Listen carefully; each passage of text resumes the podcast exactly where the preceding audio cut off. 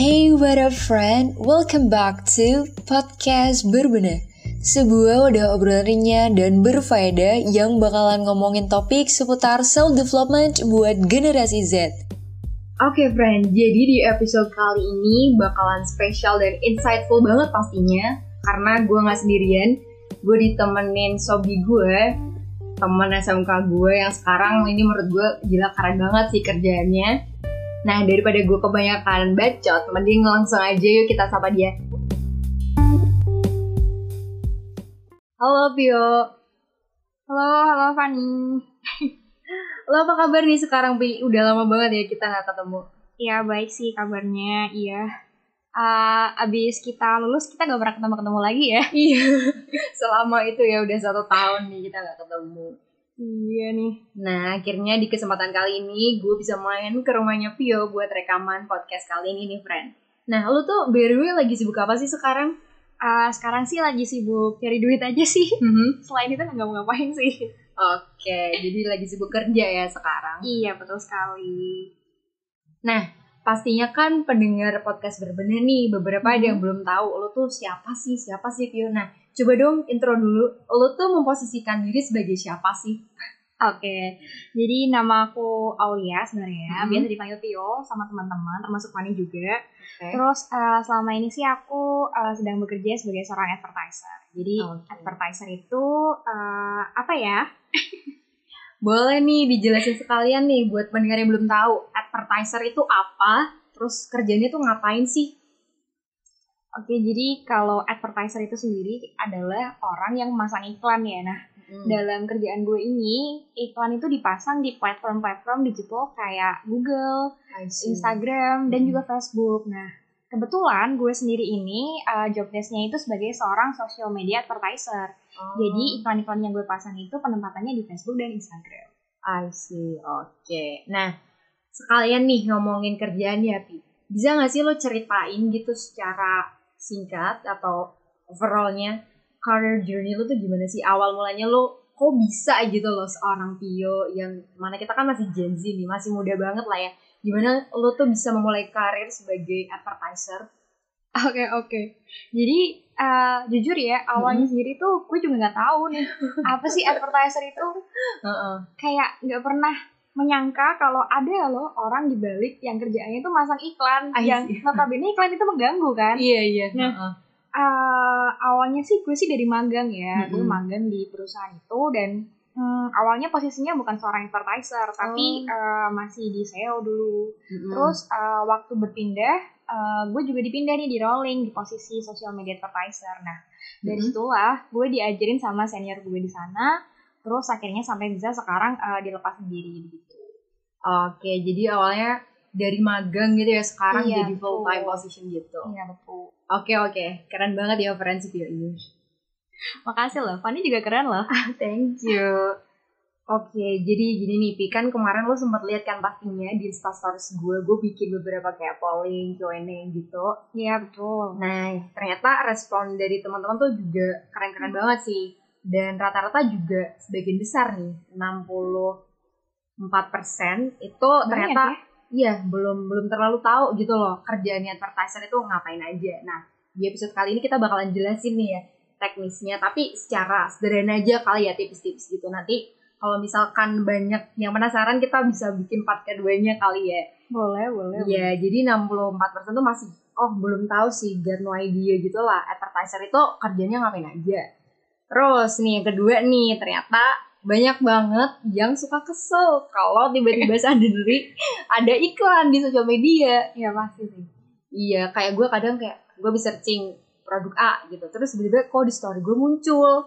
Terus munculnya tuh berkali-kali sampai kadang di feed juga tuh eh apa sih yang di explore, Explore, terus iya. timelinenya tuh juga muncul kayak aduh bikin tergiur ya kan. Terus terkait kepuasannya Hmm. sih menurut gue ini masih di bawah 4 eh di bawah 50% nih tentang tanggapannya sekarang yang sosial media itu ada iklannya kayak yang belum lama ini kan TikTok tuh. Awalnya kan TikTok tuh belum ada iklannya kan pas Iya. awal banget terus sekarang ada. Terus kayak banyak banget di sosial media yang awalnya nggak ada iklan terus sekarang ada iklannya. Hmm. Nah, kita bakalan jawab dulu nih beberapa pertanyaan Oke. dari teman-teman di Instastories nih. Yang pertama nih dari @brian_smhr. Nah, Oke. Kalau lu sendiri nih sebagai advertiser, apa sih yang lu dapetin selain gaji dari kerjaan lo atau mungkin ada suatu kepuasan tersendiri gitu gimana Pi? Oke oke oke, thank you Brian. Jadi kalau dari apa sih yang gue dapat dari advertiser selain gaji ya? Iya, Pastinya sih insight sih. Heeh. Karena eh, karena gue kan kerjanya di agensi ya. Iya. Nah klien gue itu berasal dari berbagai jenis bidang usaha. I see. Dari Heeh. usaha eh, yang UMKM Hmm. sampai usaha corporate dan B2B. Jadi kayak eh, gue tahu nih gimana caranya eh, dapetin cuan Iya. dari semua jenis usaha ini gitu loh kayak strategi marketingnya gitu. Mm-mm. Itu ya berarti.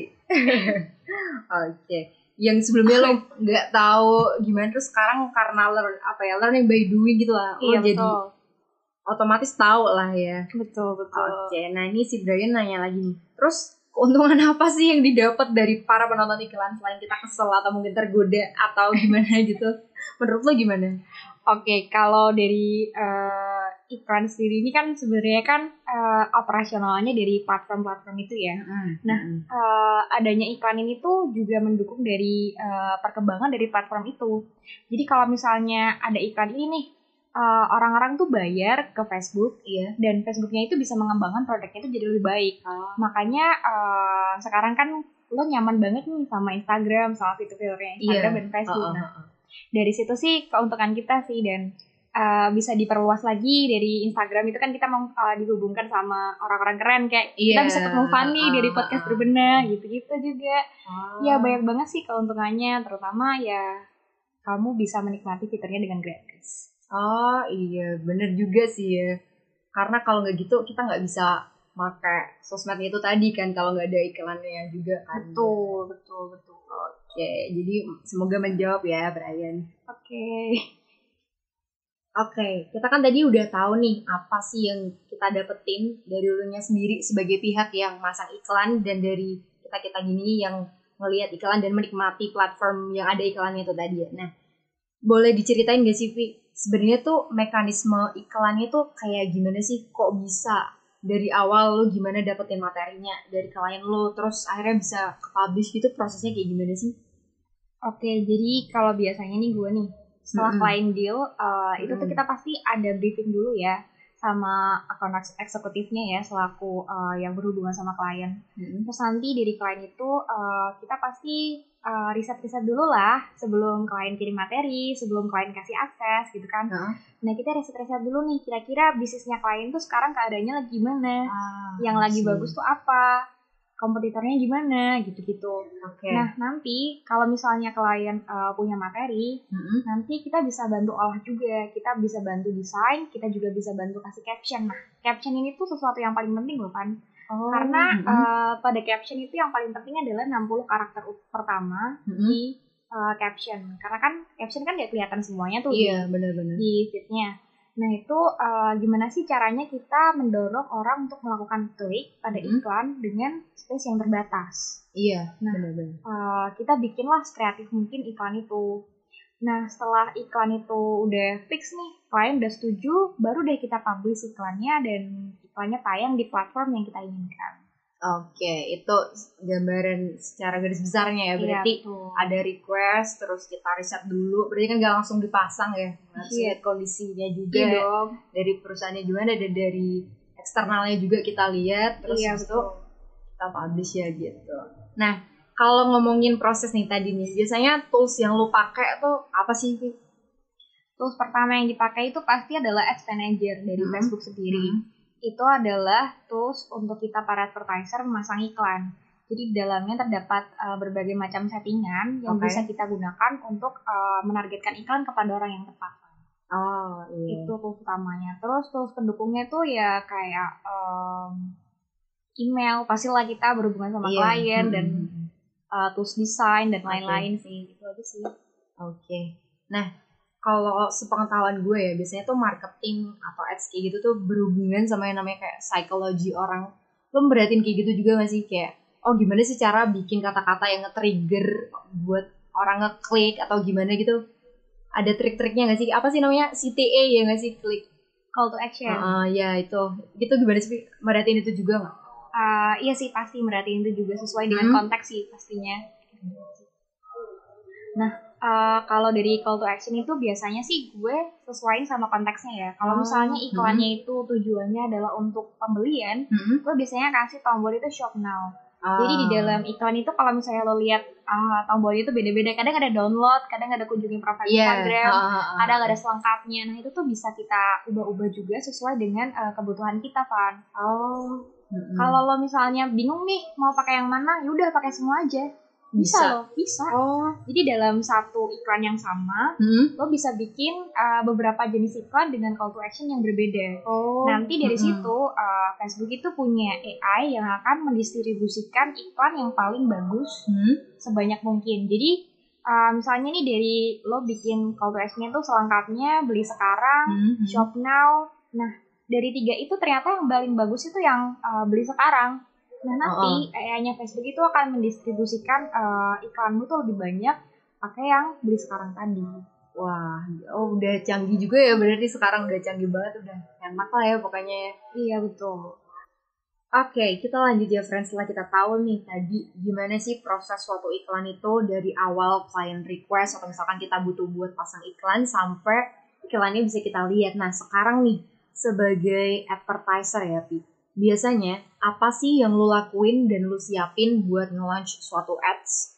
Oke, thanks pertanyaan Fanny. Mm-mm. Uh, jadi kalau biasanya sih gue siapin pertama itu pasti sharing akses ya, sharing Hmm. akses dari uh, kliennya ya. Kan kita kan pasang kan untuk akun klien nih. Yes. Pasti kita butuh akses admin dari fanpage dan juga uh, akses Instagramnya juga. Mm-mm. Terus yang kedua itu kita juga butuh materi iklan.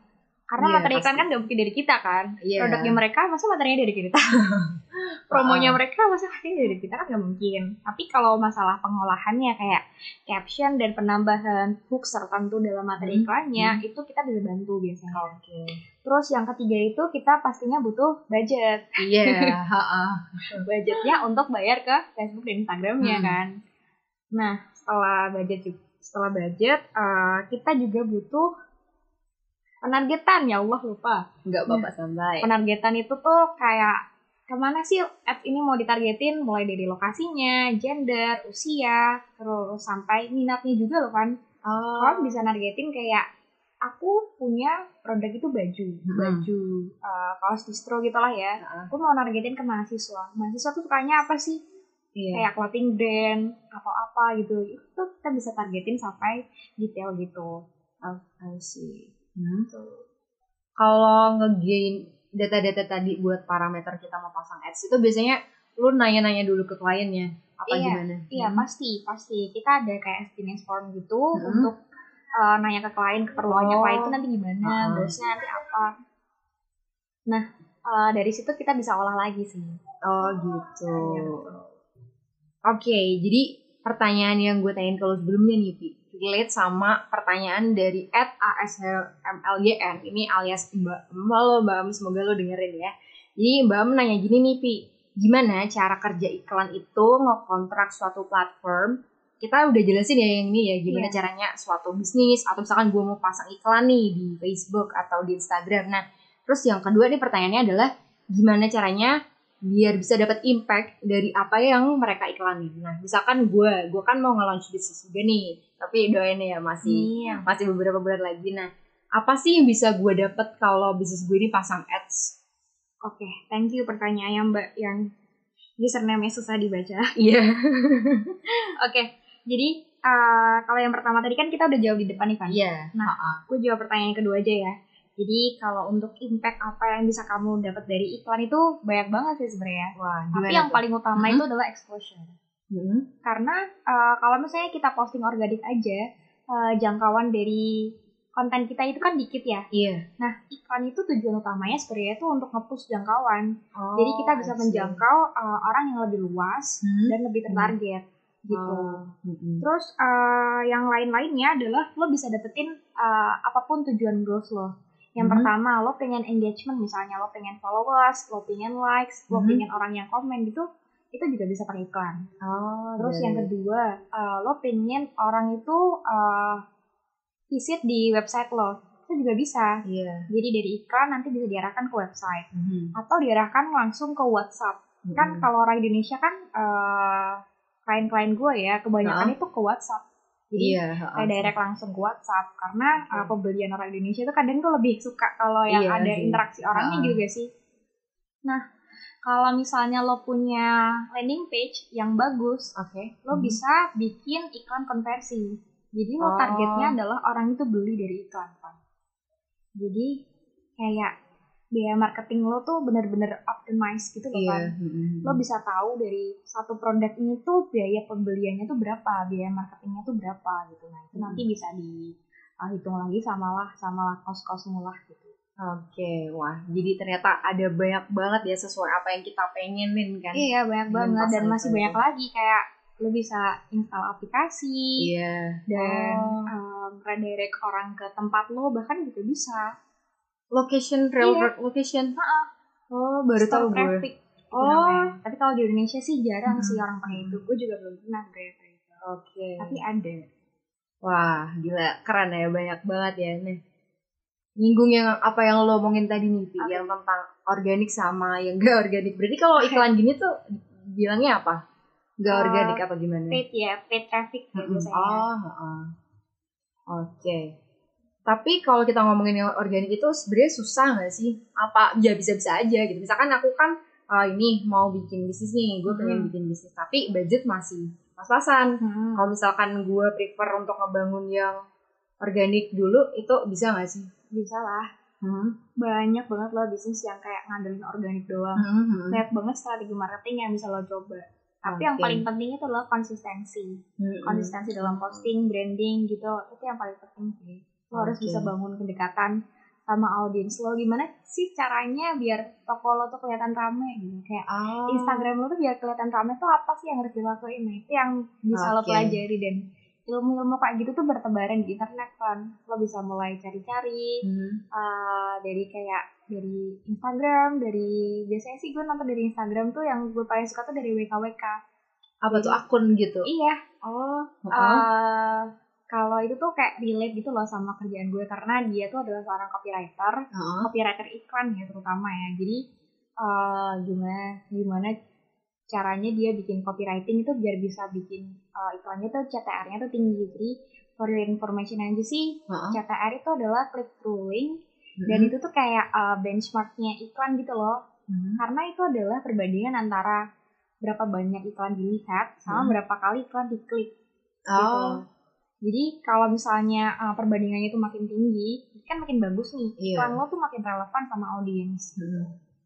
nah dia juga ngajarin hal-hal kayak uh, gimana caranya bikin iklan yang tepat untuk audiens yang tepat dan lain-lainnya dan itu nggak nggak hanya bisa diterapin ke iklan tapi lo juga bisa terapin ke organik lo Oke. karena dari uh, Mbak WKWK tadi tuh Hmm. uh, dia banyak ngejelasin banyak hal tentang strategi marketing dan lain-lain. Lo bisa coba.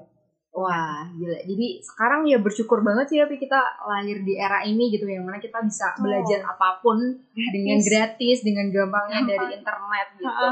Kalau gue sendiri tuh belajar juga dari kayak apa sih online courses yang gak berbayar gitu loh kayak edX terus HubSpot Academy. Jadi bisa dieksplor sendiri ya friend abis ini Iya, kalau kita mau betul. pasang iklan, belajar marketing dan lain sebagainya. Betul betul betul. Oke, lanjut ya, Pi. Setelah kita tadi tahu nih betapa powerfulnya impact iklan buat suatu bisnis atau bisa juga buat kayak gue, creator kayak gini. Nah, kita bakalan ngomongin tentang algoritma nih yang sempet ya jadi perbincangan orang-orang lah ya, jadi perbincangan netizen gitu kayak aduh kenapa sih ganti lagi, ganti lagi. Nah, menurut lo nih, Pi, kenapa sih algoritma sosial media itu terutama yang produknya Facebook ya, yang kayak Facebook terus Instagram gitu sering berubah Oke, kalau gue jawab jujur ya, sebenarnya Iya. tuh gue gak tahu-tahu banget tentang algoritma ini. Iya nggak apa-apa. Kalau dari em, pandangan gue ya, menurut gue ya, pastinya biar eh, iklan itu lebih personalized Ah. dan iklan itu lebih tertarget sih. Kalau menurut gue sih itu. Tapi juga ada gak menutup kemungkinan ya karena kan di Facebook Ads itu tuh pemain lama lah kita bisa bilang. itu banyak yang kayak curang gitu loh. curang. Iya. Mhm. jadi kayak mungkin mereka mengakali sistem terus mereka pasang produk yang sebenarnya nggak boleh produk abu-abu gitu Heeh. Pasti uh, mungkin lo nggak pernah tahu kalau di Instagram ya tapi Iya. kalau di Facebook itu lebih apa ya lebih beragam lagi iklannya Masa sih? Ah. Oh, jadi kayak contohnya gimana? herbal herbal itu nggak boleh loh di Instagram herbal Iya sih, pantesan gak pernah terus lihat ya. uh, kayak penggemuk ngurus pemutih yang Ah, gitu-gitu juga nggak ah. boleh tapi kalau di Facebook tuh masih ada karena uh, mangsanya di saya tuh masih legit gitu loh Iya sih. kalau di. Instagram kan langsung di skip kan Iya. Ada kayak gitu terus apalagi nih pertanyaan tadi gimana Itu kenapa sih sering berubah ya berarti supaya iklannya lebih tertarget gitu iya ya. betul betul, berarti. betul. lebih pengalamannya lebih enak itu yang Iya dibilang sih, sama bener sih.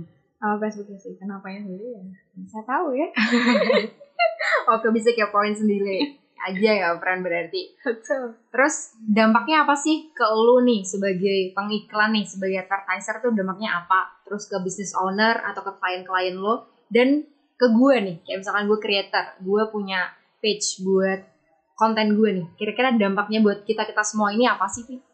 Oke kalau dari pertama dulu ya dari advertiser dari gue ya Mm-mm, ke gue tuh pasti mm-mm. tuh ya makin pusing aja kayak ya Allah baru kemarin update sekarang update lagi gitu kan Oh. ya sebenarnya sih kita nggak dapat notifikasi langsung kayak eh ada update ini loh ada Heeh, update itu heeh. kita nggak dapat notifikasi langsung Oh. tapi kayak kita bisa lihat dari dashboard kita kayak hasilnya tuh belakangan ini cenderung menurun gitu terus kita buka forum lah kan Iya. uh, ada forum adver- advertiser gitu lah ya Hmm. terus pada ngerasain juga nih eh iya ya gue juga turun loh gitu bentuk lo bikinnya apa gitu ya kayak ngobrol-ngobrol gitu nah kalau saat iklannya performanya menurun gini biasanya ya kita bisa optimasi aja sih kayak ganti penargetan ganti Oh. ya materi iklan gitu-gitu Mm-mm.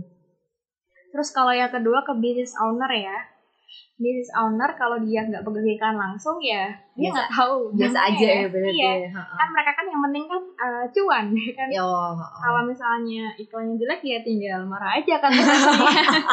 Lu pernah tapi dimarahin? sering pasti sering. Sering klien-klien rasa itu pasti sering banget banget terus kalau ke creator ya kalau ke creator itu mungkin dampaknya lebih ke organiknya ya Van Iya, mungkin asli. kayak jangkauan konten lo tuh menurun Mm-mm. dan lain sebagainya gitu-gitu sih. Berarti kita semua gini, terutama yang apa sih get in touch langsung sama konten atau bisnisnya atau iklannya berarti harus sering-sering tahu ya cari betul. update-nya kayak gimana ya. Betul betul betul. Minimal lo uh, kalau nggak baca berita lah ya, lah ya lo kayak uh, gabung ke forum-forum gitulah. Hmm, oke. Itu bisa nambahin insight sih. Oke get it. Nah ini relate sih sama topik yang kita bahas sebelumnya tentang algoritma Hmm. si at Fahima underscore Nabila aka teman kelas kita sendiri pas SMK nanya kalau algoritmanya advertiser gitu berarti ada peran AI sama big data dong atau gimana nih? Mbak Fahima Iya. Um, saya tidak tahu mbak Ah, jadi um, pasti ya pasti ada peran AI sama big data gitu iya sih jelas sih. jelas sih mbak tapi pertanyaannya mbak Fahima itu apakah sampai berhenti di situ Mm-mm. pasti kan tidak Mm. tapi uh, jawaban selanjutnya itu saya tidak tahu mbak Tapi kalau lo sendiri advertiser gitu kan gak ngurusin algoritma sistemnya kayak gimana kan? Gak ngurusin AI-nya gimana, big data-nya sistemnya gimana. Oh, jelas tidak mbak jadi uh, kalau bisa diibaratkan ya advertiser itu sama Facebooknya Mm-mm. itu kayak jenis bisnis B2B gitu loh mbak jadi uh, Facebook itu bisnis terus uh, gue sebagai advertiser kan juga bisnis ya Oh, oh, benar. gue juga pasang sesuatu dan gue bayar untuk bisnis gue sendiri ya Iya. Uh, kita tuh juga klien gitu loh sama Facebook Ah, jadi kita ya numpang aja sama algoritmanya mereka gimana big Mm-mm, datanya mm-mm. mereka gimana kita juga uh, kurang tahu sih. Tapi yang paling penting daripada itu kita harus memfokuskan kepada apa yang bisa kita uh, pengaruhi ya. Oh, yang pastinya adalah satu lo punya konten yang bagus yang uh, menarik lah Hmm. terus lo punya produk yang bagus. Hmm. produk itu kan menentukan retention ya. Iya. orang untuk beli dua kali tiga kali ya. Mm-mm. terus yang ketiga adalah lo punya penargetan yang bagus kalau lo bisa ngatur tiga itu uh, dijamin deh iklan lo bakal keluar Oke.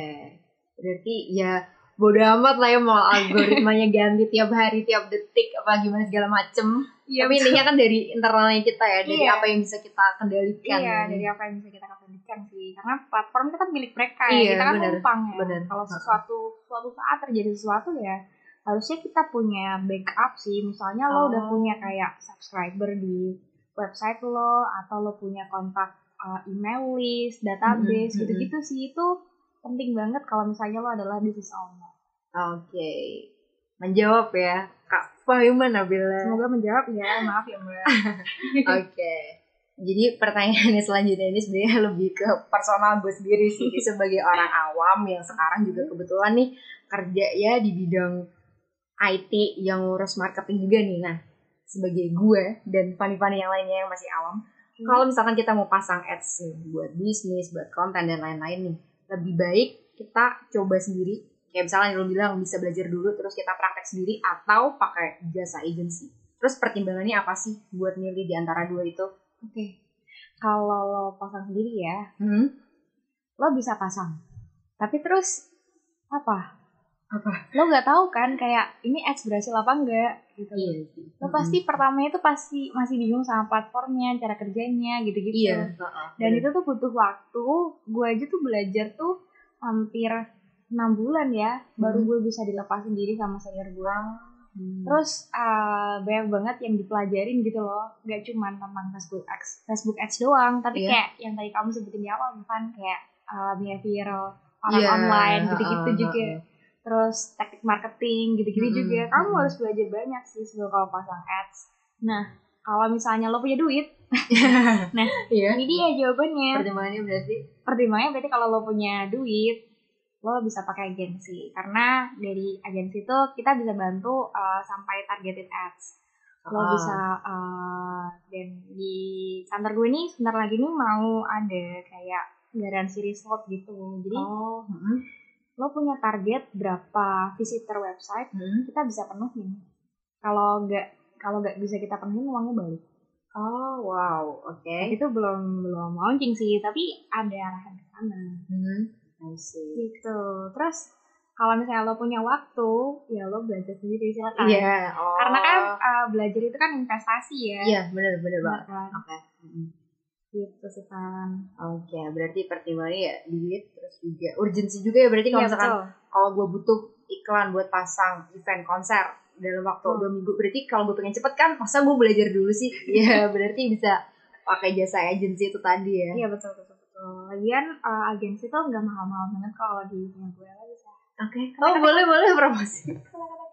Tapi Oke. saya tidak dibayar ya jadi saya tidak sebutkan namanya. Iya Mohon iya. maaf bapak oke oke siap nah ini relate sama pertanyaan teman kelas kita juga lagi kenapa At sih Napak Kalimi yang sekarang juga jadi business owner yang cabangnya sudah di mana-mana besar ini Iya. Nah, gimana nih, Pi? Caranya dengan budget iklan pas-pasan, tapi sales gede-gedean.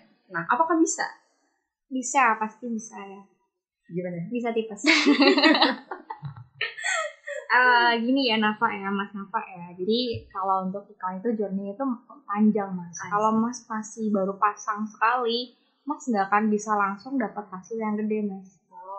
Kita pasti butuh investment karena iklan itu eh, ada yang namanya itu ROI, return on Hmm, investment, investment. ya kan.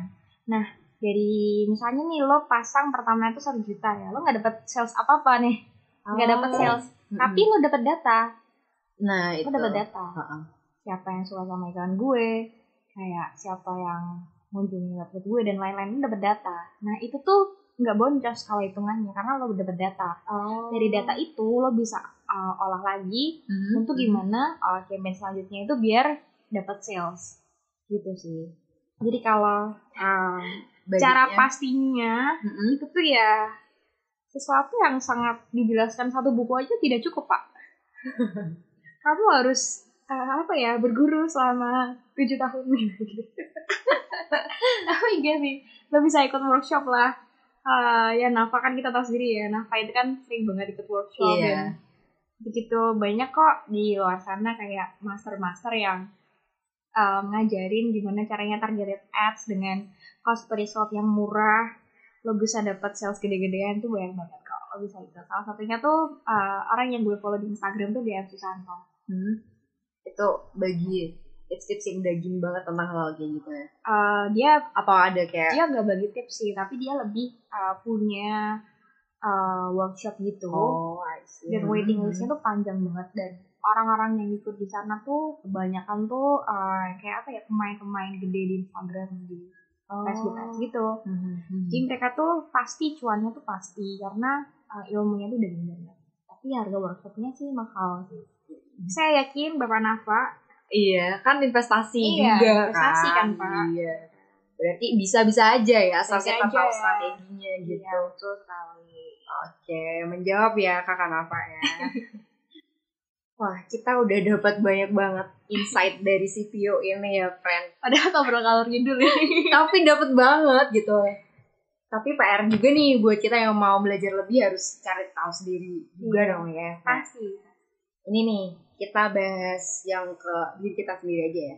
Oke. Kira-kira skills apa aja sih yang harus dimiliki oleh seorang advertiser nih? Apalagi lu kan bisa dibilang berarti kan otodidak juga kan kayak degree lu sebelumnya gimana kita anak TKJ ini komputer dan jaringan kok dari jaringan bisa jadi related tuh. itu gimana sih nah kira-kira skill apa aja sih yang harus kita punya sebagai advertiser yang pertama kali yang harus lo punya itu pasti adalah skill komunikasi. ah Kenapa? hmm? Karena kita adalah uh, komunikan antara uh, si yang punya brand Hmm. sama audiens. Bagaimana sih cara kita uh, mengemas konten iklan itu biar uh, sangat menarik dan bisa jadi sales. Ah, komunikasi ya. Betul. Gue mikir malah kayak teknikalnya dulu nih tapi malah komunikasi itu penting banget deh ternyata Penting ya. banget sih karena uh, itu adalah cara untuk menyampaikan ya menurut gue itu sih. Terus yang kedua itu analitis, analitik apa ya? analytical thinking Iya, iya gitu gitulah ya. Heeh. dari analytical thinking itu gunanya itu yang pertama itu untuk uh, menentukan target ya target audiens ya terus yang Iya, kedua uh-uh. adalah untuk membaca data dari hasil iklan Ah. jadi kalau misalnya kita nggak tahu cara baca iklan ya Iya gimana sih. ya kan nanti kan setelah kita selesai jalan campaign itu hasilnya tuh kayak gini kan jadi kayak angka-angka gitu loh berapa Iya. orang yang nge-reach Mhm, mhm. berapa orang yang nonton iklan kita, berapa iklan yang klik. Nah, uh, terus ukurannya tuh apa? Dari data itu tuh ukurannya tuh baik atau buruk tuh apa Mhm. gitu. Nah, itu yang paling penting sih. Terus ada juga skill marketing.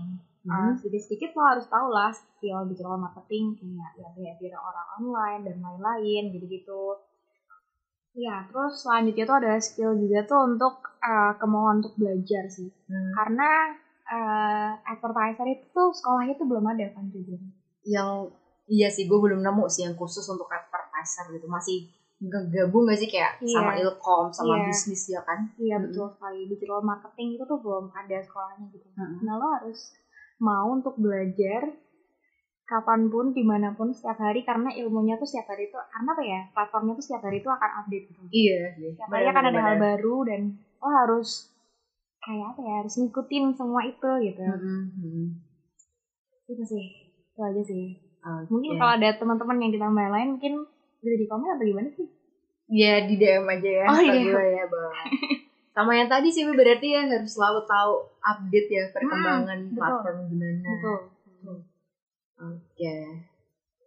Nah kalian ya Pi kita lanjut nih tips and tricks nih buat pendengar buat teman-teman di luar sana yang pengen jadi advertiser atau cuman pengen pasang ads buat bisnis atau event mereka kira-kira apa sih tips and tricks yang bisa lo bagiin? Oke, eh, untuk tipsnya sendiri sih pastikan untuk kamu sudah mengenal siapa target audiensmu. Itu penting sih. Itu penting. Hmm. Karena dengan kamu mengenal siapa target audiensmu, kamu bisa tahu konten apa yang harus kamu sajikan kepada mereka. Hmm, hmm. Terus eh, kamu juga harus tahu produkmu. Iya. iya enggak. Iya lah. Jadi gimana ya cara mau komunikasiin produkmu tuh nggak kamu cuma bilang kayak eh, tas A bisa menampung sampai banyak barang gitu. Heeh. Tapi lo nggak bisa bilang gitu Ah, lebih baik lo bisa bilang kalau ah, tasnya itu ah, bisa lo pakai buat ke mana-mana lo buat traveling traveling ke luar negeri I see. jadi kayak ah, pengemasannya tuh beda gitu loh Pan daripada lo Hmm. bilang ya, tas ini tuh bisa muat sampai 50 kg. Heeh. Mendingan lo bilang kalau tas ini tuh bisa buat traveling 7 hari gitu. Ah, iya Ini iya. kan artinya kan muat banyak. Heeh. Artinya kan sama tuh muat banyak gitu. Tapi deliverynya yang beda. Tapi deliverynya gitu ya. yang beda gitu. Terus apa lagi ya? Em, lo harus banyak-banyak baca, insight, Mhm. belajar. Kalau misalnya lo punya temen yang kayak gue, lo bisa kan nanya-nanya gue, oh iya, gue mau launching sesuatu nih sebenarnya nih. Nah, apa ini, ini friend? Sebenarnya sih coming soon-nya tuh kayak trailernya tuh dari dulu, tapi karena gue adalah orang yang terlalu rajin alias males. belum launching juga sampai hari ini. Nah, tapi kayaknya gue mau launching. Namanya tuh, eh kasih tau gak ya? Kasih tahu dong. Oke, jadi sebenarnya ini adalah escape dari pekerjaan gue yang melelahkan ya. Jadi uh, gue berbagi sedikit hal yang gue ketahui tentang dunia ads, terutama Facebook dan Instagram itu di akun Instagram gue namanya tuh Newbie Ads. Tulisannya tuh gimana tuh, Kak? N E W. B I E Heeh. terus ada titik terus A D S. Oke. Newbie Ads. Jadi kalau kalian teman-teman mau uh, tahu insight-insight atau pemikiran-pemikiran gue tentang dunia ads, real marketing, terus Instagram, platform dan sebagainya, uh, teman-teman bisa banget follow. Oke. Nah, pastinya account IG lu pasti gue taruh di description notes episode kali ini ya. Nanti di akhir lo bisa promoin lagi nih lebih dalam nih. Oh, bahasnya apa aja? Konten-kontennya gimana? Oke. Wah, Oke. Jadi setelah tadi nih rada serius ya, nah kita kecil dulu nih dengan pertanyaan-pertanyaan dari teman-teman di Insta Stories nih. Kita mulai dari yang rada berbobot dulu ya nih ya. Gimana nih tanggapannya soal apps yang menggunakan data pribadi user buat kepentingan advertising? Pasti ya. Tapi tergantung data pribadi kayak gimana. Nah, menurut lo Pasti, gimana sih? Oke, eh, pertanyaannya ini cukup nggak nggak chill banget ya ini agak Iya, berbobot ini, sih, agak mikir sih sebenarnya.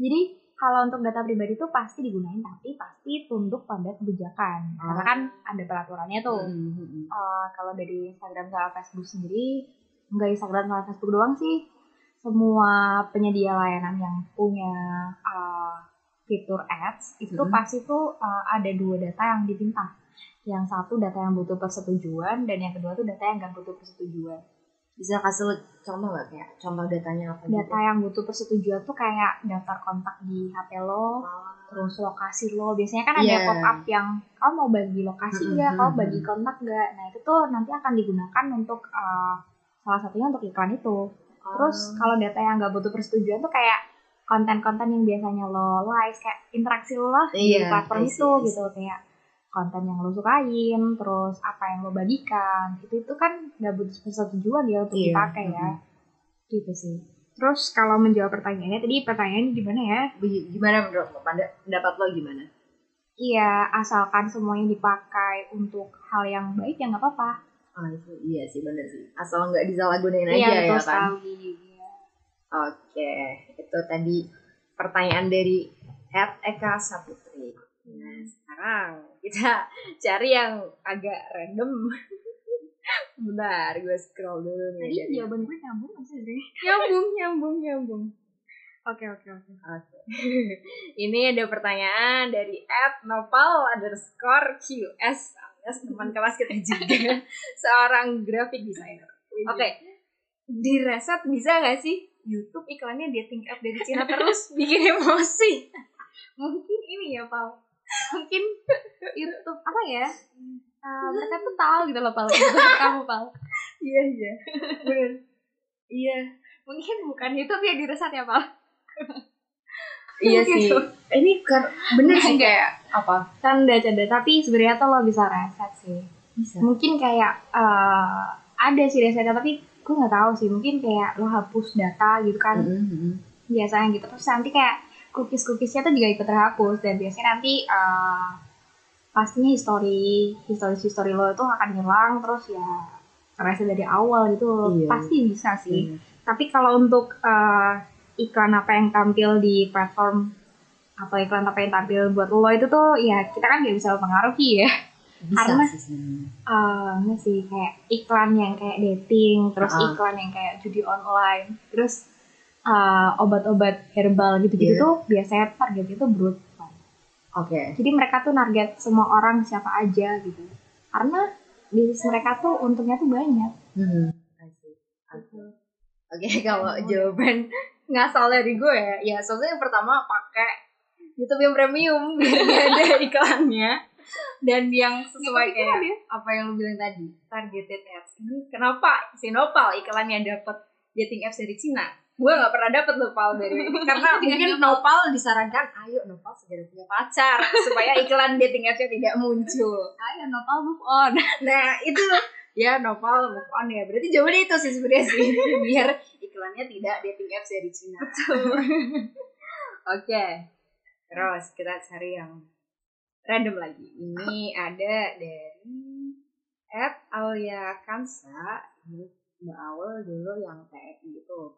Oke. Iya. Nih. Sebentar. Masih ngajak nih. Ini tadi relate sama iklan judi ini. Kenapa iklan judi online tuh selalu bermunculan padahal nggak pernah main? Tergantung ibu bukannya di mana ya bu. Iya, gimana? Jadi uh, ada loh situs-situs tuh yang memang menyediakan space untuk iklan. Itu tuh Mhm. mereka tuh nggak nggak terikat kontrak ya sama kayak Google atau Hmm. Instagram atau Facebook gitu.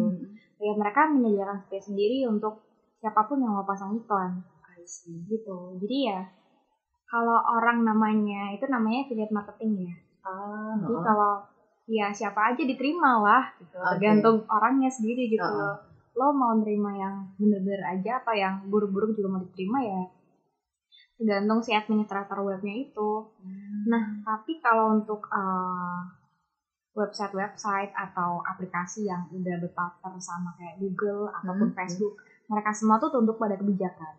Jadi Oke. di Google dan Facebook tuh ada kebijakan beriklan Hmm. atau uh, policy ads. Nah, kebijakannya itu juga termasuk melarang uh, konten-konten dewasa, konten judi dan segala macam yang merugikan itu banyak banget yang dilarang dan gak boleh tayang. Hmm, Nah, oke. bagi siapa pun yang yang melanggar pastinya akan kena dong. iya. Nah, itu heeh. namanya AME, Ads Manager Error. Iya Iya, iya. Jangan. Nah, jangan. Kalau kamu udah kena AME ya kamu udah gak bisa ngiklan lagi. Gitu. Hmm. I see. Jadi tergantung tempat juga. Biasanya kan kayak di situs buat nonton film bajakan Nah, gitu itu kan. dia. Yang ada iklan judi, Nah, konten-konten dewasa. Jadi ya, tergantung dari penempatannya juga sih. Mm-mm. Kalau di situs kayak gitu kan berarti kan nggak peduliin lu suka judi atau kagak kan tapi kan memang dibuka Enggak. Iya. buat semua ya kan Iya betul. Betul. Oh, Setiap orang yang mau pasang iklan ya pasang iklan. Yang penting kan punya Iya, duit kan. Kayak bedanya supermarket sama pasar deh. Hmm, Kalau supermarket kan produknya kan harus yang dari brand-brand gitu yang Iya. yang jelas asal usulnya. Kalau dari pasar kan eh ya udah sembarang lah. Yang penting lo jualan gitu. Ya, Oke. Nah, pertanyaan randomnya sudah habis ternyata tapi buat pendengar podcast berbenah yang pengen nanya-nanya lagi nanti bisa lah ya DM gue atau akunnya podcast berbenah dan bisa langsung nih ke akunnya Pio ya. Oke friend, gak kerasa kita udah ngobrol panjang lebar dan pastinya poinnya adalah belajar nih dari Pio sebagai seorang advertiser nih. Sebelum kita tutup nih, apa sih pesan-pesan yang pengen lo sampaikan buat pendengar podcast berbenah? Oke, kalau pesan yang pengen gue sampaikan sih, yang pertama tuh apa ya, jaga kesehatan ya. Iya. Karena kan lagi corona, mau lupa pakai masker. Terus Iya. kalau untuk teman-teman yang sedang menjalankan ibadah, semoga ibadahnya dilancarkan. Iya. Terus apa ya? Seputar karir nih atau perkontenan duniawi ads gitu gimana? Eh, mungkin ini sih teman-teman kalau misalnya pengen kerja itu jangan idealis-idealis banget lah. Hmm. Kayak lo gak harus lo jadi apa ya, sesuatu yang udah ditakdirkan sama jurusan lo sekarang. Oke. lo bisa juga melenceng sedikit melenceng banyak juga nggak apa-apa karena kita nggak tahu lo rezeki itu datangnya dari mana Nah itu dia. kalau misalnya lo adalah uh, jurusannya tata boga nih Hmm. tapi tiba-tiba lo kerjanya tuh uh, sebagai digital marketing gitu ya nggak apa-apa semuanya itu Hmm, bisa benar, dipelajari benar, sih benar, gitu. Ada lagi? udah sih pesan apa ya yang disampaikan saya tidak punya pesan buat kalian ya ini sih dengerin podcast podcastnya kami terus di like di share you. Follow juga dong. follow At newbie.ads-nya si Pio. Oke, sesuai biasanya lah ya di podcast berbeda tuh di akhir tuh tamu yang gue undang tuh pasti ngasih satu quote. Nah kali ini nih dari lo nih apa sih satu quote yang bikin lo masih konsisten dan nyaman ngejalanin karir lo sampai saat ini? Beda-beda tuh lo udah berapa lama sih lo di field ini?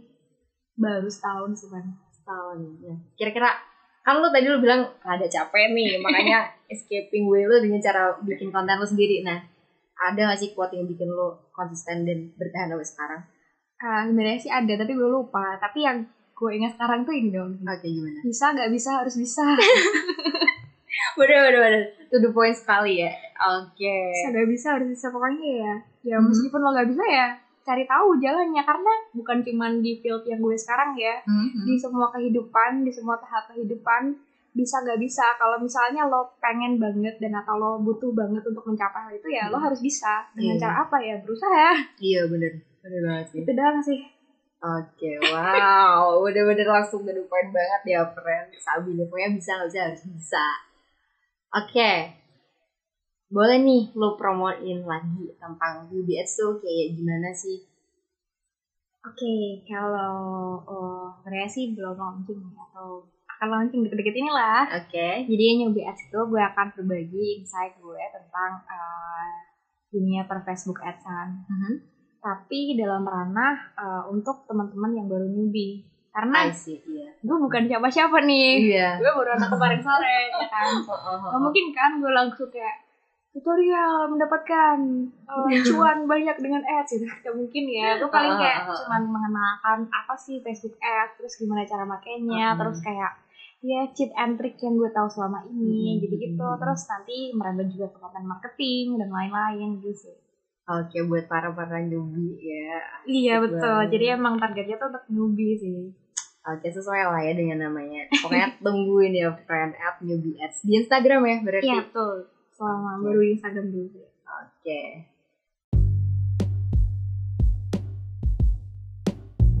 Nah, saatnya kita tutup podcast episode kali ini setelah kita dapat banyak insight dari Tio. Thank you so much buat Tio yang udah sharing-sharing cerita dan berbagi pengalamannya di podcast berbenah. Sukses selalu buat karir lo, buat kontennya juga, jaga kesehatan ya. Semoga ibadah puasanya juga lancar tahun Amin. ini. Oke, thank you Tio. ya thank you juga Van Oke, dan juga buat pendengar podcast berbenah, thank you juga yang masih setia dengerin sampai episode ke-24 kali ini. Jangan lupa buat double follow atau subscribe, bisa banget langsung klik button follow atau subscribe biar nggak ketinggalan episode terbarunya dari podcast berbenah di aplikasi streaming podcast favorit lo, friend. Oke, jangan lupa ya di sini follow at newbie.ads dan bisa banget nih bagiin episode kali ini di Insta Stories biar teman-teman lo bisa pada tahu nih insight-insight dari Tio. Oke, I'll see you on the next episode. Bye-bye. Dadah, bye Tio. guys thank you